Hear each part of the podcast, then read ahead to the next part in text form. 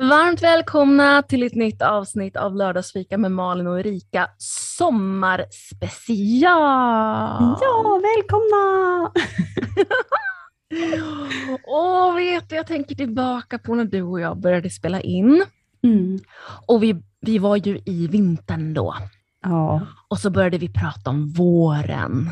Och du berättade om våren så otroligt fint. Och nu är vi liksom full out deluxe sommar mega mode. ja men verkligen, den här veckan som har varit, det har ju bara slagit, det gick ju från knappt vår till Mhm.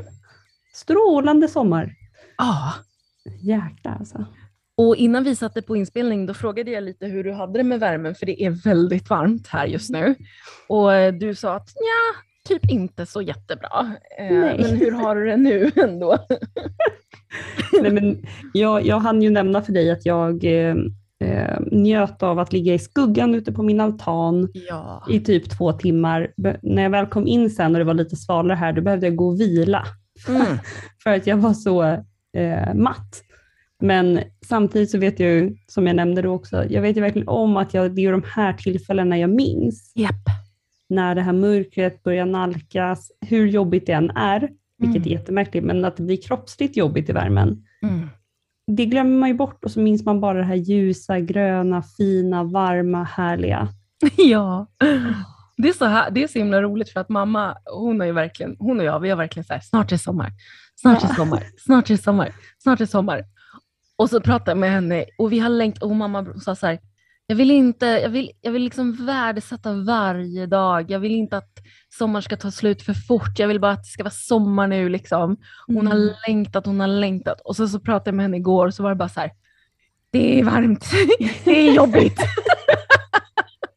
Men, sa hon, så kom hon på sig själv, men det här är det vi har längtat efter. Så, så det, du har helt rätt, man kommer bara ihåg det som är det, det som är det härliga med sommaren, men man glömmer bort det här svett, att man svettas och sånt där. Ja, men vilket i sig egentligen är jättekonstigt, för tänker jag tillbaka på vintern, då kan jag Ja. minnas hur kallt det var. Ah, och hur ruggigt det var sant. och hur isigt det var. är det Men sant? sommaren är bara så här fluff, fluff liksom i Aha. upplevelsen. Jag vet inte, Varför är det så månne? mm, no idea. Och Men jag är, ju så, ja, jag är Mm. så konstigt fortfarande, för jag, efter, efter jag fick min långtidscovid så vet jag ju knappt om jag svettas eller fryser. Jag kommer ihåg första sommaren med, med långtidscoviden där, då, då satt jag på riktigt med täckjacka ute mitt i sommaren. Alltså är, är det någonting som har blivit off i liksom inre termometern eller vad är det som knasar till det? Ja, eh, det måste ha blivit något som är off i termostaten. Pappa brukar säga att din termostat är trasig. Ja. Och det är verkligen så. Den gick sönder för att på nätterna, och det kan jag fortfarande känna, då kan det vara så att jag drömmer att jag ligger på ett isflak. Och jag känns, det känns som att jag har två isklampar i, istället för lungor. Men De gud. kyler ner mig. Liksom. Känner du det också så, här så att det går över från att du är sval till att du fryser? Eller stannar det liksom på att man känner att det är kallt men inte fryser? Jag känner mig nedkyld. Mhm. Och det är ganska intressant för jag har också blå läppar vid det, vid, när jag är så ners, nedkyld. Och det, kan, det spelar liksom ingen roll om det är sommar eller om det är... Alltså, det, är bara, det, det kommer inifrån. Kylan kommer liksom inifrån på något Mm. konstigt vis. Alltså den här långtidscoviden verkar så... Det är ju verkligen, den är så o... Vi har ju verkligen ingen koll på vad det är. Vet Och det känns ju så läskigt, för det kan ju Ja. egentligen vara vilka symptom som helst. Jag får panik när jag tänker på det ibland. Att, för att jag, jag drabbades ju av um, eh, wild type-varianten. Första Ja. vågen, alltså vilda varianten som, eh, som ju var värst. Och eh, då var det ju verkligen sådär att vi vet inte vad som kommer hända med oss som, som fick det. Alltså vi som fick det och ändå överlevde men som inte blev friska. Ja. För vissa fick det och blev friska, andra fick det och dog. Och en tredje kategori fick det och blev inte friska.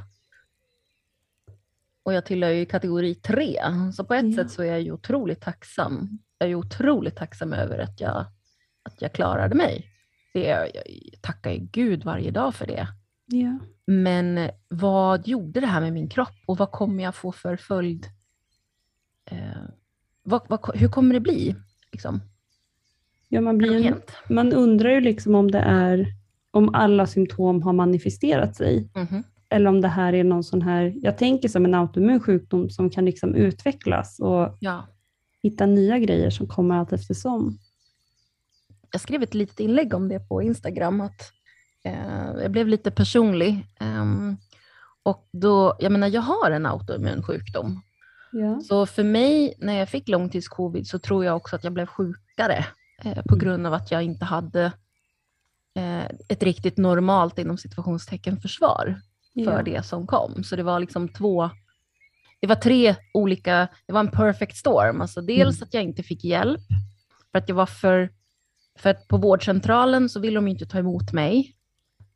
Men jag var inte tillräckligt sjuk för att åka in akut och få hjälp på det sättet att jag inte låg på golvet och inte kunde andas alls. Det var flera gånger jag ringde ambulansen och de kom, eh, men tyckte fortfarande att jo, jo, men du kan ju stå och gå. Och vi har inte plats för dig. Vi har bara liksom de här som, som är på gång att dö. Liksom. Det är bara de vi kan ta in. Vi har inte resurser för fler. Och så ringde man till vårdcentralen och då sa de, nej men gud, har du covid, då får du inte komma hit. Då får du vara hemma eller ringa akuten. Så jag hamnade ju i en sån här twilight zone med, med det, plus min autoimmuna problematik, plus att det var wild type-varianten. Så det var ju liksom... mellan stolarna. Ja, så det var ju liksom en sån här riktig perfect storm verkligen. Och så traumat som faktiskt blev av att vara ensam också, isolerad. Jag tog ju mitt samhällsansvar otroligt Mm. tidigt. Alltså, så fort jag blev sjuk så, så stannade jag ju inne. Eh, Jag Mm. gick ju inte runt eh, och smittade folk, utan jag, jag stannade verkligen inne och tog liksom, det här isoleringsansvaret väldigt tidigt. Mm. Ehm, men det blev ju också väldigt jobbigt, för att då var man ju också själv i, i det där. Ja, det var en jobbig tid. Det förstår jag. Men hur länge var det du var insjuknad, säger man så? Ja. tänk- för det, man har ju den akuta sjukdomsfasen och sen så börjar de här andra symptomen liksom göra sig Ja, påminda. precis. Ja, för det var det som var så skumt. För att först blev jag sjuk och då fick jag de här vanliga symptomen som var trötthet och feber och hosta. Och det, Mm. i den perioden så var jag ungefär en månad. Det är Eh, rätt lång tid Ja, att det var vara länge. så pass sjuk. Liksom. Ja, och hostan var en sån där hosta som eh, man tänker så här, går det att hosta så här mycket? Alltså, Mm, så. Var det en som rev den eller alltså rev den i lungorna eller hur var det för typ av hosta? Den var liksom ond, alltså det var liksom gjorde ont i lungorna Mm. eh, och att den på något vis tog andan ur den för att det var så djup hosta, så det satt så långt Mm. ner. Det var ingen så här högfärshosta liksom. Ehm, och då tänkte jag så här, ganska ändå var det okej för att då kände jag nog så här liksom att ja, men det, det kommer gå över. Jag var vid gott, gott mod och det var, inte symptom, det var inga symptom som jag inte kunde klara av. Jag menar feber har jag haft förr, hosta har jag haft förr. Alltså, it's okay liksom. Jag vilar. Och sen kommer jag ihåg runt fjärde veckan där, där jag började känna mig bättre. Så tänkte jag att men nu, nu har jag faktiskt gjort det här. Vad skönt. Mm. Och så eh, gick jag ut på en av mina, jag gick ju alltid ut på långa promenader innan, innan jag blev sjuk. Jag brukade gå på minst en timme om dagen. Okej. Och så tänkte jag att nu ska jag ut och börja gå lite försiktigt sådär. Och eh, så hade jag bara gått kanske tio minuter och så kände jag att något var fel. Nå- Mm. Någonting är så att kroppen inte orkar det här. Liksom. Och det var inte en sån här känsla du vet, som man kan ha när man varit sjuk och man fortfarande är lite konvalescent. Man är liksom lite, utan det var mer att någonting är fel. Och så gick jag hem och kollade min pulsklocka. Jag har en sån för träning sedan tidigare. Och då var min puls nästan uppe på 160 Oj. av jäklar. ingenting typ. Alltså en kort, kort, kort liten promenad. Och eh, sen började det riktiga eländet med eh, andningsproblemen. Jag, jag fick inte ner luften i lungorna. Det var som att lungorna hade glömt bort hur man andades. Det var liksom så här, jag fick inte ner luften i Mm. lungorna. Så jag liksom satt och bara suckade in luft. Så där. Det var det de kallade för lufthunger och det är verkligen så. Man hungrar efter Mm. luft. Det går liksom inte att få ner den riktigt. Jag Det tänker, var ju då jag började ringa vårdcentralen för då tänkte jag att någonting är fel. Mm. Och de bara, nej du får inte komma hit, du får ringa akuten. Ja, och så var det några, alltså jag ringde akuten två gånger. En gång kom de med eh, hel fullmundering och sen rymd, rymdkläder. De hade mask och eh, outfit och hade, de såg ut som såna här som man, som man eh, nedstiger på månen. Mm. Sådana såg de ut. Men hur var det? Jag tänker, du var ju också i en jätteutsatt situation, att du kände att du inte fick luft. Ja, Och sen kommer de instolpandes Ja. i den utstyrseln. För jag tänker, även om man kan logiskt tänka att så här, det är ju för att de ska skydda sig och liknande. mm. Du har även isolerat dig under en lång period, du har varit sjuk länge. ja. Hur var det då det att möta, inte ens få liksom ordentlig ögonkontakt? Kan inte läsa av någons liksom, ansiktsuttryck, ingenting. Ja, alltså ska jag vara helt ärlig så kände jag då, nog bara där och då panik och jag var bara tacksam över att de kom. Så fick de komma Ja. i, i liksom eh, full mundering. Jag var bara glad över att de var där, att de var Mm. här. Ja. Eh, så jag, eh, jag var otroligt tacksam över att de kom bara. Mm. Det var den känslan. Mm. Ehm, Jag kommer ihåg att jag låg på golvet då, för att jag hade så svårt att få in luften. Och eh, de var inne här med mig då ungefär en halvtimme faktiskt. Och eh, den ena satte sig på golvet med mig, eh, tog, de hade ju sån här, vad heter det, pulsklocka också, den, Mm. men den hade ju jag också, en sån. Och då sa de där, jo din puls är väldigt hög. Eh, och det är förmodligen för att den håller på att kompensera för, för din andning nu. Ja. Eh, för att när lungorna inte riktigt, jag har lärt mig något nytt, för att när lungorna inte riktigt orkar med, då tar hjärtat över. Okej. Då blir det som att när lungorna inte orkar få in den syre som de får upp, får in, ska få in, då börjar hjärtat pumpa snabbare istället som kompensation för att få in Okej. syre på den vägen. Ja. Och det är därför som många med långtidscovid kan också säga att ja, men min, min syresättning är ändå okej, men min puls är det inte. Nej. Och det är för att hjärtat kompenserar det. Men, den, men det går ju inte i längden att ha det så. Nej, det är ingen långsiktig lösning, Nej, utan det är utan en det är ju överlevnadsstrategi. liksom. Ja, exakt. Mm. Så att min, min syresättning var ju eh, på gränsen då, kommer kom jag ihåg. Att de tyckte att ja, det är lite lägre än vad det ska vara. Men det är inte så dåligt så att liksom, du håller på att dör, bedömde de. jag skrattar nu för att det var så hemskt. Det var verkligen så här. Ja, I alla normala fall, hade det inte varit pandemi så hade de ju tagit in mig. ja Alltså, och så hade de lagt in mig för övervak eh, och för provtagning. Men nu var det mitt under början av pandemin när alla var fortfarande som eh, alla sprang runt som myror i, i sjukvården och visste inte ens hur, vad de skulle ha för protokoll. Ska, ska vi ens ha munskydd? Vad ska vi göra? Vilka ska vi ta in? Vilka ska vi... Ingen testades heller. Nej. Det fanns inga tester, det fanns liksom ingenting. Det var, det var helt sådär och folk dog som flugor Mm. i olika länder och det var bara Ja. panik. Alla hade bara panik. Eh, så Det då känns hade de ju så orimligt att det här var två år sedan, Ja, ja, eller två och ett halvt då, när ja. det här absolut värsta och det, det känns som att det är en vardag som så här, självklart har vi varit med om det här, men det är ju så himla absurd situation vi har levt igenom Mm. under de här två åren. Ah, Att vi stod där ändå i början och liksom dividerade, ska vi testa, ska vi inte? Det finns inget vaccin, vad är det här? ja. Hjälper munskydd, hjälper de inte? Ah. Ska vi isolera oss, ska vi inte? Alla de här stora frågorna som nu i efterhand är liksom att vi fick öva ett helt land eller en hel värld på att tvätta händerna. Exakt.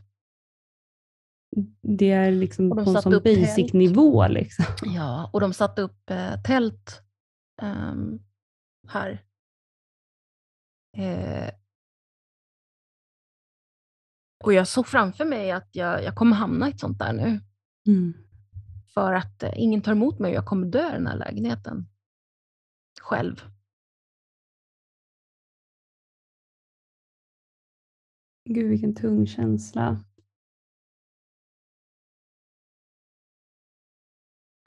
Ja. ehm. Och sen eh, när man trodde liksom att eh, det inte kunde bli värre så blev det det. Och jag ska inte gå igenom allting som, för det får bli en senare, ett senare tid när jag ska gå igenom allting och berätta om allt.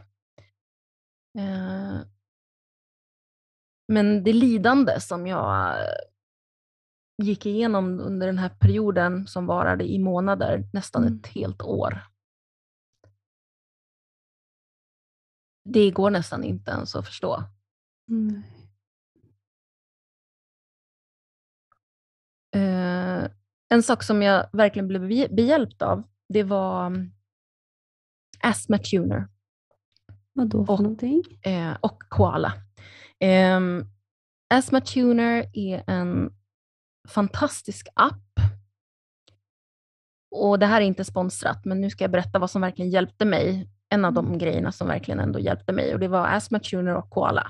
Och Asthma Tuner det var då en app där de skickade hem en PF-mätare som är kopplad till sin telefon. Mhm. Och via den PF-mätaren så kunde man göra en professionell vårdmätning av sin andningskapacitet från start to finish under en längre period. Och det Mm, blev då olika diagram och olika, eh, olika statistik för hur ens andning, andningskapacitet och astma ser ut. Och jag har aldrig haft astma, men jag bara kände instinktivt att jag måste beställa hem en sån här och titta, för att någonting är ju fel. Jag får ingen vanlig hjälp, ingen tar emot mig någonstans. Så jag, jag tar kontakt med Asthma Tuner och de skickar hem en sån där till mig.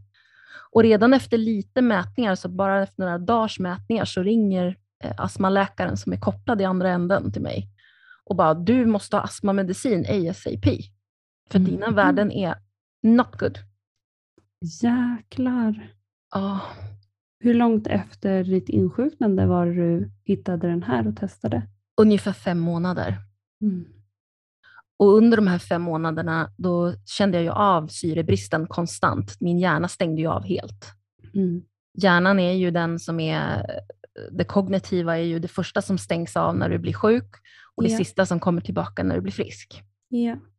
Och eh, det är rätt tydligt på mig ehm, att eh, min hjärna var i konstant syres distress. ja. Och, ehm, så när jag äntligen fick astmamedicin, då, var, och då fick jag alltså the heavy shit, då fick jag alltså till och med Förkol, den sortens ja, medicinering. precis. Åh jäklar. Ja. jag gick på fyra olika sorter då, ett tag. Och då Märk, märker du av skillnad? Ja. Ja, ja, ja. Mm. Och det, var ju liksom eh, kortison och allt möjligt. Liksom. Jag, jag behövde ju det. Det var ju Mm. bara så. Eh, och det var, det var jätte, jättebra. Det andra som också var suveränt var en annan tjänst som hette Koala, där man då fick kö- köpa eh, hem två veckors eh, EKG och eh, hjärtflimmertest som man sätter då på, på hjärtat och gör mätningar där. Också lång, lång tid. Liksom. Japp, japp. Och så skickar man in den där mätaren sen. Eh, och igen får man prata med en riktig läkare i andra änden Mm. som kollar på ens värden. Så att man tar sjukvården hem till sig liksom, med de här Exakt. nya tekniska te- ehm, sakerna. Jag tycker det är fantastiskt. Ja, det är ju helt magiskt. Ah. Och då kunde de då se att eh, jag hade... dock. Ja, Att det är du sorgligt behöver också. hitta det själv. Ja, det var det liksom, men det fanns ingen som hjälpte mig. Det fanns verkligen Nej. inte det. Och då såg de också då på den här hjärtmätningen att den var inte, det var inte heller bra. Men, eh, men eh, det sa de ändå att det kommer bli bättre, så där blev jag inte så orolig ändå. Jag har ett starkt hjärta. Mm. Då kommer jag ihåg att jag pratade med eh, healern Chris McAllister och då sa jag så här, Gud alltså, Chris, det känns som att viruset attackerar mitt hjärta Mm. attackerar det, det attackerar det. Då sa han till mig, tänk tvärtom. Det är ditt hjärta som attackerar viruset. Ja. Då blir det lite lättare att fightas. ja. Det kändes som man blir starkare bara utav den meningen. Mm. Man behöver inte ens hinna börja tro på den för att den ska Mm. kännas. Mm. Liksom. Ja, för att göra en lång historia kort, för du förstår kanske och kära lyssnare, ni förstår att det finns mer att berätta här.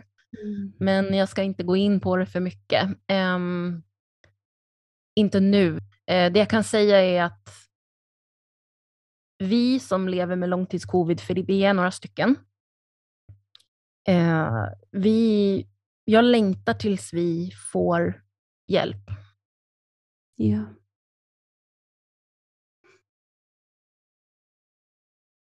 Men det är så här mycket också att eftersom jag då levde innan då med autoimmun sjukdom så är har det ju varit så himla lätt nu efteråt också för vissa läkare att säga att jo, jo, men det är den.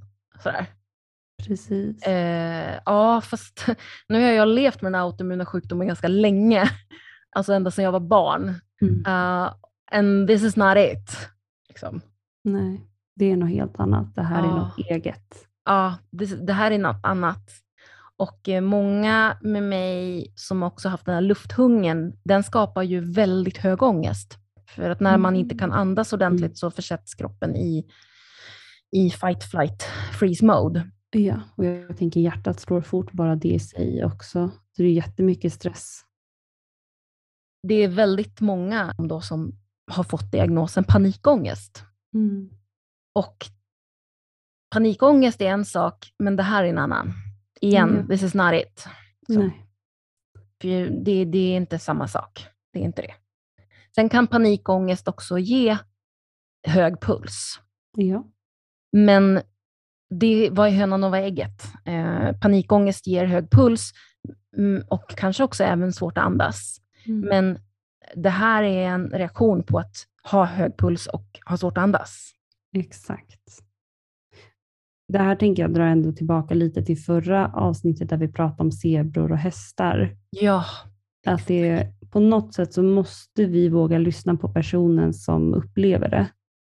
För att det är ju bara du som faktiskt kan svara på, du tar ett annat exempel med magont. Mm. Det är bara du som kan svara på vad magont är. Mm. Eh, Och i det här fallet, det är bara du som kan svara på varför ditt hjärta slår och dina lungor slår. Och du kanske inte kan svara på det rent teoretiskt, bara att det är någon skillnad. Det här Ja. är inte samma sak. Nej. För alla upplevelser kan ju fortfarande utvecklas. Panikångest behöver inte kännas samma hela tiden, men många gånger kan man fortfarande när man tänker tillbaka förstå att det här är panikångesten Mm. och det här är någonting annat som du beskriver nu. Mm. Så att jag tänkte på det där som vi pratade om i början på olika personer som har gjort intryck på en. Mm. Och här kommer också en avslutningsvis. Det är en person som, jag ska inte nämna ett namn eller, eller sådär, men det finns en person som har ringt mig varje onsdag kvart i ett. I två och ett halvt års tid nu. Åh jäklar. och har alltid funnits där. Och han är en ängel. Mm. Jag hade aldrig fixat det här utan honom. Nej. Den där kontakten kvart i ett varje onsdag. Det, det har varit helt ovärderligt. Och det är en ängel. Det är en ängel. Det förstår jag verkligen. Alltså bara du berättar det här så känner jag av jättemycket värme i hjärtat, men jag Mm. känner också hur det knyter sig i halsen. Och jag försöker bara vara i upplevelsen, men det känns bara som kärlek. Att faktiskt någon, den här personen, det är så viktig. Ja, allt. Det är allt. Och det är precis som du sa i början, att vi har nästan lite glömt bort hur kaotiskt det var där i Mm. början. Och alla människor mer eller mindre ham hamnade i någon form av krismode, en kollektiv världskris. Ja. Och eh, vissa människor hanterar det på vissa sätt och andra hanterar det på andra sätt. Men jag vill ändå gärna tro att man ändå gör så gott man kan med det man har. Och vissa människor bara har ju funnits där. Alltså jag har ju några nära vänner som, som också verkligen eh, fanns där under den här tiden och hörde av sig och sådär. Mm. Och, sen, eh, och sen min mamma och pappa, så här kommer fler personer nu då. Mamma och pappa som som mamma lagade mat och körde upp med, till mig under första tiden då där. Och så att jag, för att jag, jag kunde inte äta, jag orkade inte laga mat. Alltså, det var verkligen. så mamma och pappa, liksom, hur de körde hit med matlådor. och eh, jag vill inte smitta dem så att vi skapade ett slussystem. jag ska inte ens gå in på hur vi gjorde det, men, men vi gjorde det med med alla för säkerhetsprecautions och vi kom aldrig nära varandra och inte ens såg varandra. Vi hade liksom olika dörrar mellan varandra, slussystemet. Mm. Men de gjorde det. De gjorde det månad ut och månad in bara för att jag skulle, och mamma och jag vi facetimade på kvällarna. Då skulle mamma kolla att jag levde. Ja. Jag tänker det du sätter ord på, både med den här, eh, den här eh, personen som ringer upp dig och med det här med matkassarna. Jag tänker att det som är genomgående är ju ändå den här äh, kontinuiteten genom en storm, när, när det stormar i en själv. Det som kan stå tryggt och stadigt oavsett egentligen vem det är. Men när någon står fast. Det är så himla, himla viktigt och det ger så mycket mer än vad som sägs, vad som görs. Gud ja. Att det liksom är som ett ankare på något sätt.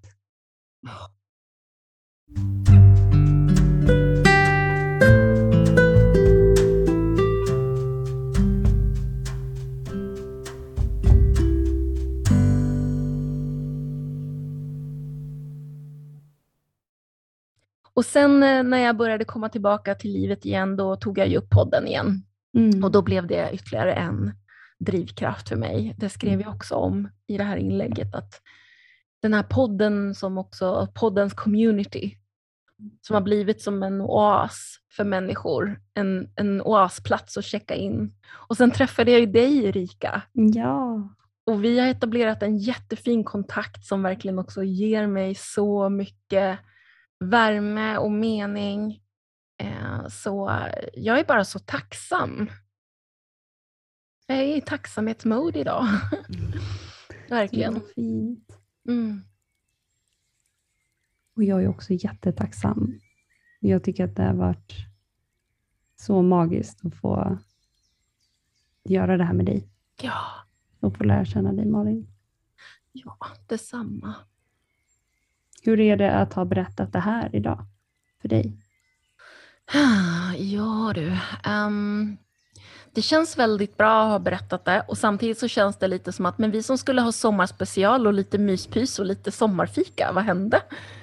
eh, och så blev det världens tyngsta historia om mig och långtidscovid. Och det var inte riktigt vad jag hade tänkt mig, men som vanligt med dig och mig så det blir ju så här, här och nu. Vi är ju här och nu du och jag, vi har alltid varit det, kommer alltid vara det. Um, så att det känns bra, även om det känns lite som att um, ja, men vad behöver lyssnarna lyssna på? Det här var ju det jag behövde prata om, men har jag nu givit lyssnarna någonting som, de kan, som kan ge mening hos, hos er som lyssnar? Den sitter jag ju alltid med. Mm. Den här balansen mellan vad jag har behov av att berätta och prata om och, eh, och vad tror jag att lyssnarna kan, vad kan ge mening hos dem? Mm. Kan vi inte skicka det till dem då? Och be Jo. dem att när ni har fått höra Malins berättelse nu och det här hon har valt att dela med sig, kan inte ni kommentera om ni har fått med er någonting och var ni har fått med er, om det har berört någonting hos er. Mm. För det tror jag verkligen att det har gjort för många. Tack. Tack själv Malin. Och det där blev ju faktiskt allt för den här lördagens lördagsfika sommarspecial. Det blev då en sommarspecial alla Malins lilla nedslag i långtidscovid erfarenheten. Ja. Och eh, det som Erika sa, ni får jättegärna, jag skriver under på den, eh, skriv gärna. Och sen reflektera jättegärna över om det finns en ängel i, i ert liv. Har ni en Mm. ängel? Eller fler? Och det kan ju vara djur också. Jag menar, jag Oh. har ju min katt Momo. Snacka om att hon har varit en partner till mig här när jag var som sjukast. Åh gud, det kan Apropå änglar. Ja. Vilken plats de fyller alltså. Jag tycker verkligen att det är jättespännande. Det har jag tänkt sedan första start och jag tycker bara det här initiativet att faktiskt starta den här podden och all den kreativiteten som man märker liksom spritter ur dig. Ja. Både i samtalen och i beskrivningen av podden och tanken bakom den. Mm. För den, det är ju verkligen någonting helt fantastiskt. Tack, vad glad jag blir. Ja, det kommer från ett riktigt powerful ställe. ja. Och det handlar lika mycket om, om eh, mitt behov. Eh, alltså det är ju det. Det är ju, det är ju både och verkligen, som jag sa till dig. Det är en balans där. Det är lika mycket det är mitt behov, men också det jag tror att andra kan eh, få mening genom. Mm. Och så alla mina fantastiska gäster. ja. Alltså wow! Jag är in ah. Ja, det är så häftigt. Det är så kul att få, få följa, för nu har jag ju följt hela... ah. Är det så att det har varit, var, var det en egen säsong i höstas och en ny i våras? Eller har det varit en säsong under hela året? Eh, oj, vilken bra fråga. Nej, jag brukar köra en säsong per termin. En säsong tror per jag. termin. Ja, I så fall blir det sen förra, förra, eh, början av hösten. Ja, kan vi ja, säga. ja. Nu har jag ju följt det under ett år och det är ju ashäftigt. Både att ha fått lyssna tillbaka på de du gjorde tidigare och Ja. det här nu. Vilken utveckling på podden du har haft. ja, Det är ascoolt. jag håller med dig. Den blir bara bättre och bättre. Mm.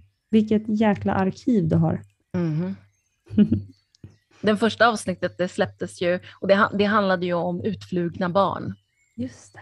En mamma som, som kände att det var väldigt jobbigt när hennes son flyttade hemifrån. Mm. Vad hände med henne då? Liksom? Mm. Vad händer med oss som föräldrar, eller oss, jag är inte mamma, men vad händer med dig som förälder när ditt barn har blivit vuxet och flyttar ut? Särskilt om du har haft en otroligt nära relation på det sättet att du är van med att ha den personen i din närhet varje dag. Mm. Liksom, på det sättet. Vad händer då? Ja, så gå tillbaka och lyssna. Ja.